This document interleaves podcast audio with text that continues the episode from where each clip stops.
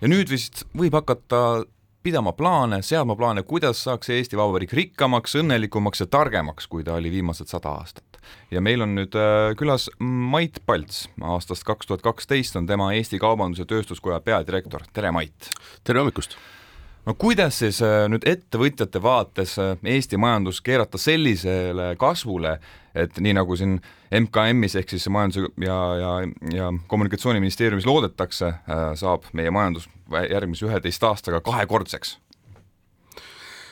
jah, hea ja oluline küsimus kahtlemata, et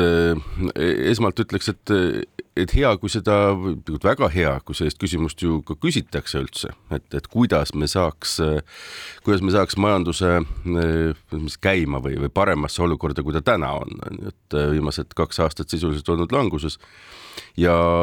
ja tõsi, noh, viidatud dokument on, on koostamisel me lugesime, kaubanduskoja liikmed lugesid, andsime sinna oma tagasisidet mis valdavalt oli, oli siis suunaga selline tegelikult, et, et vaja oleks ka natuke konkreetsemaid samme kui, kui see, et, et jah, meil on selline suur eesmärk, kasvatame kahekordseks või, või noh, mingi sellised suured, kohati ka loosunglikud sõnumid. et tegelikult on ju noh, ettevõtja küsimus see, et aga mis siis nüüd päriselt võiks teha, et või mis päriselt äh, hakkab juhtuma, et, et ettevõtja elu läheks paremaks, äh, ma ei tea, bürokraatia väheneks, halduskoormus väheneks, äh, energia hind tuleks mõistlikumaks, noh, kuhu me, kuhu me liigume, sest need on tegelikult need, need ettevõtja sellised igapäevased küsimused, kui ta riigiaparaadile mõtleb. ja ettevõtjad on öelnud, et tegelikult see dokument on ju väga hea ja, ja need plaanid on väga konkreetselt kirja pandud. Tiit Riisalo on tõesti ettevõtjaid kuulanud, mul on tunne, ja see, see on justkui ettevõtjate ilus unistus. no veel kord, et, et hea, kui, kui kuulatakse, et täna ka, ka Riigikogu majanduskomisjon koostab sellist konkurentsivõime eh, plaani, kuidas taastada, käime ja räägime erinevates kogudes, et, et mis on need mured ja, ja mida võiks teha, et, et ma arvan, noh, võrreldes sellise poole aasta taguse ajaga kindlasti täna kuulatakse rohkem ja, ja vähemalt soovitakse aru saada, et mida võiks teha aga on ka selliseid ettevõtteid äh, Eestis registreeritud, kelle tegevus toob neile ettevõtjale küll kasu ja riigile maksuraha, aga nende tegevus ei pruugi olla noh, võib-olla kõige parem alati inimeste jaoks, ma pean nüüd silmas näiteks sotsiaalselt, et meil on kiirlaenukontorid, äh, sealt laenu võtmine ei ole alati kõige mõistlikum, meil on siin hasartmänguga äh, tegelevad ettevõtted, hasartmängumaks on Eestis väga madal Euroopaga keskmisega võrreldes, kas nende ettevõtjate koha pealt olete ka kuidagi valitsusele sõnumid andnud, et midagi võiks ju ette võtta? no Eestis on ettevõtlusvabadus ja, ja ma arvan, ega see muud moodi ei saakski olla teatud valdkondi kindlasti on, on vajalik ja mõistlik ka, ka reguleerida niimoodi, et et need ülekäte ei läheks ja seda on ka tehtud, et, et kui noh, sai mainitud siin kiirlaenuettevõtteid, siis tegelikult noh, mõningad aastad tagasi kui, kui valdkond oli Eestis veel täiesti lapsekingades ja noor, siis kindlasti oli neid, kes, kes läksid äh, kiiresti rikastuma ja, ja kasutasid olukorda ära ja, ja seejärel muidugi, mis juhtus natuke, et, et see pendel siis regula-, regulatsioonide poolest läks jälle teise serva, et kui alguses ei olnud mitte midagi, olukord läks käest ära, siis äh, poliitikud ka vaatasid, et, et olukord on halb ja, ja tegelikult reguleeriti noh, suhteliselt äh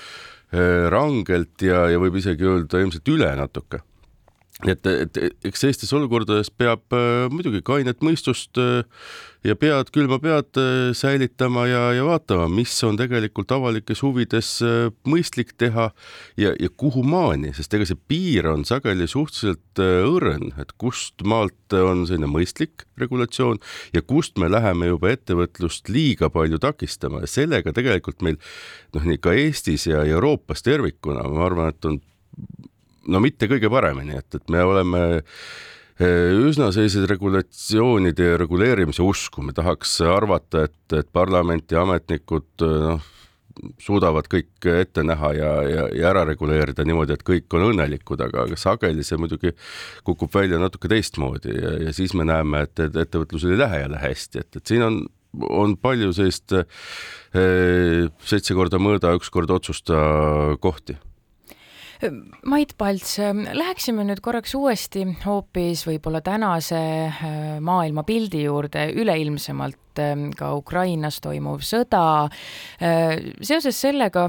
ka selline küsimus, kindlasti ettevõtjate seas on ka arutelu olnud, kas kõik sellised loosungid ja võib-olla pealkirjad ja, ja kogu see äh, pisike hirm, mis pead tõstab meis kõigis, et et, et kas sõda tuleb nüüd siia kahe aasta pärast või tuleb ta viie aasta pärast ja samal ajal äh, räägitakse ju sinna vastu, et see jällegi omakorda peletab kõik investorid ära ja see tegelikult ajab meie ettevõtjad tagajalule, et me nii võib-olla otse räägime, et tulebki hakata moosipurke keldrisse varuma äh,. kuidas tunnevad äh, ettevõtjad või ku kuidas tunnetab Kaubandus-Tööstuskoda seda, et vot teilt ma, teilt ma ei mäletagi võib-olla hinnangut sellele, et kas me peaksime siis kartma ja kuidas see mõjutab meie ettevõtlust?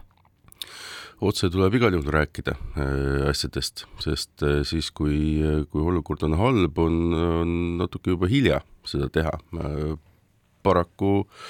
paraku Eesti asub sellises positsioonis, kus ta, kus ta asub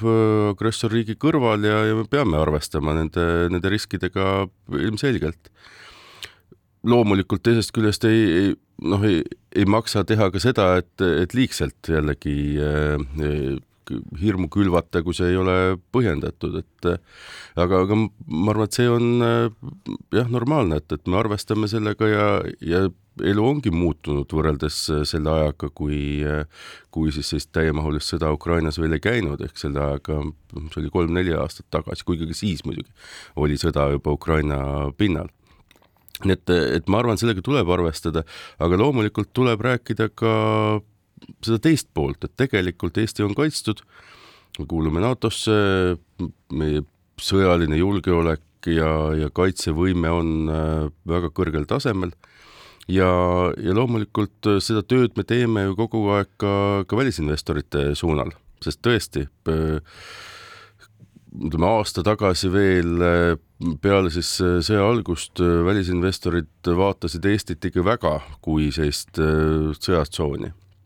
täna on see olukord äh, mõnevõrra muutunud ja eks me peame neid head, häid näiteid ka tooma, et äh, erinevaid investeeringuid on Eestisse tegelikult ju tulnud ka suuri. magnetitehas, äh, päikeseparg või akupargid viimasel ajal, neid on tegelikult veel ja, ja neid tuleks rohkem ka, ka väljapoole kommunikeerida, sest siin tegelikult on ju igati tore elada ja ka investeerida Teie kojal on üle kolme tuhande neljasaja liikme, kellest enamus küll väikese ja keskmise suurusega ettevõtted, aga ikkagi kas täna on selles julgeolekuolukorras Eesti ettevõtetel, kes näiteks soovivad noh, Tallinna kesklinna ühe tormaja ehitada, mis nõuab no sadu miljoneid võib-olla, kas selleks on nendel ettevõtetel keeruline raha kaasata välismaistelt pankadelt? keerulisem kindlasti kui, kui mõned aastad tagasi, jah, kindlasti. aga kas seetõttu jäävad ka mõned projektid tegemata reaalselt? on jäänud küll, muidugi. investorid eh, vaatavad eh, noh, loomulikult iseenesestmõistetav, kui sa võtad äh, maakaardi lahti, sa vaatad Eesti peale kuskilt New Yorgist, Los Angelesest, äh, kas või Kesk-Euroopast, noh, tundub suhteliselt lähedal mm -hmm. sellele piirkonnale, kus aktiivne sõjategevus käib. mis te arvate, kui palju miljoneid siis on jäänud Eestisse tulemata selle sõja tõttu? seda ei oska, ma arvan, keegi täna tegelikult öelda. me on pandud ootele, on, on viidud küll investeeringuid Eestist ära, noh, teisest küljest me ei saa kõike seda panna ka nüüd tõenäoliselt siis sõja mõjudesse, sest ka majanduse olukord meie piirkonnas on, on läinud, läinud viimastel aastatel halvemaks ja, ja eks see ka mõjutab investeeringuid, noh, mida palju tuuakse ka välja, selline ebakindlus poliitikate, valitsuse tegevuse suhtes, noh, viimaste, viimase aasta-kahe jällegi selline eripära, mida varem tegelikult ei olnud, kus öeldakse, et et keeruline investeerida, sest me ei tea, mis, mis ees ootab, et kas investeering ära tasub. et see elu on palju komplekssem muidugi, jah. Räägime nüüd kindlasti ka sellest, et vabariigi aastapäev oli muuhulgas ju ka aastapäev Ukrainas toimuvale sõjale. Ja Kaubandus-Tööstuskoja peadirektor Mait Palts on muuhulgas ähm, juhtimas ka Riigikaitse Edendamise Sihtasutust, mis tegeleb ähm, Ukraina rahvuskaardile annetuste kogumisega. lugesin, et olete kahekümne kolmanda veebruari seisuga kokku kogunud annetusi juba üle nelja miljoni euro mis aja peale siis on, kas on siis sõja algusest arvestades või on see natuke hilisema algusega? see on jah, ikkagi sõja algusest alates, sisuliselt kahekümne viiendast veebruarist siis kakskümmend kaks aastal kampaania sai, sai alguse ja, ja toimib tänaseni, et jätkuvalt kogume, kogume annetusi, paneme seda abisaadetisi kokku ja, ja toimetame kohale, et, et see tegevus jätkub, kahtlemata. mis on järgmine kõige kriitilisem võib-olla,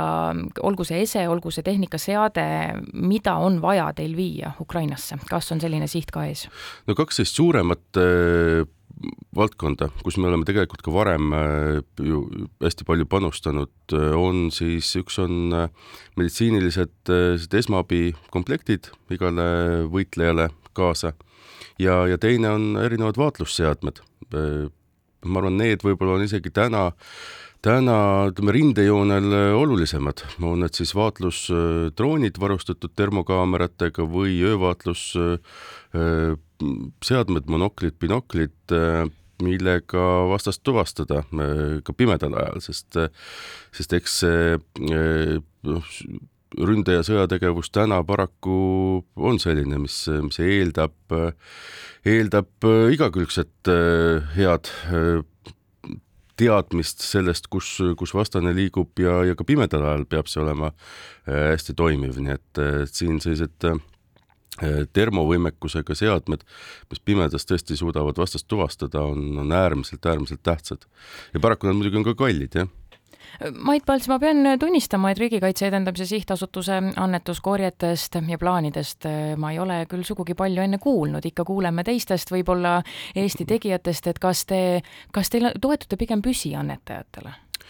on erinevaid, meil on äh, väga palju eraisikuid, kes annetavad äh, igakuiselt või, või mingisuguse kindla perioodi tagant, on ettevõtteid, kes, kes teevad seda täpselt samamoodi. aga loomulikult, ega me, ega räägime, kutsume üles nii palju, kui me seda saame teha, et et kindlasti saab, saab rohkem, aga, aga jah, eks, eks see eesmärk on, on pigem olnud see, et, et suuname kogu oma võimekuse ja ressursi siis selliste abiasjade tegemisele, muretsemisele ja, ja kohaleviimisele, aga aga tõesti, annetajaid on, on palju ja, ja hea meel just nende üle loomulikult, kes seda püsivalt teevad, kas või väga väikeste summadega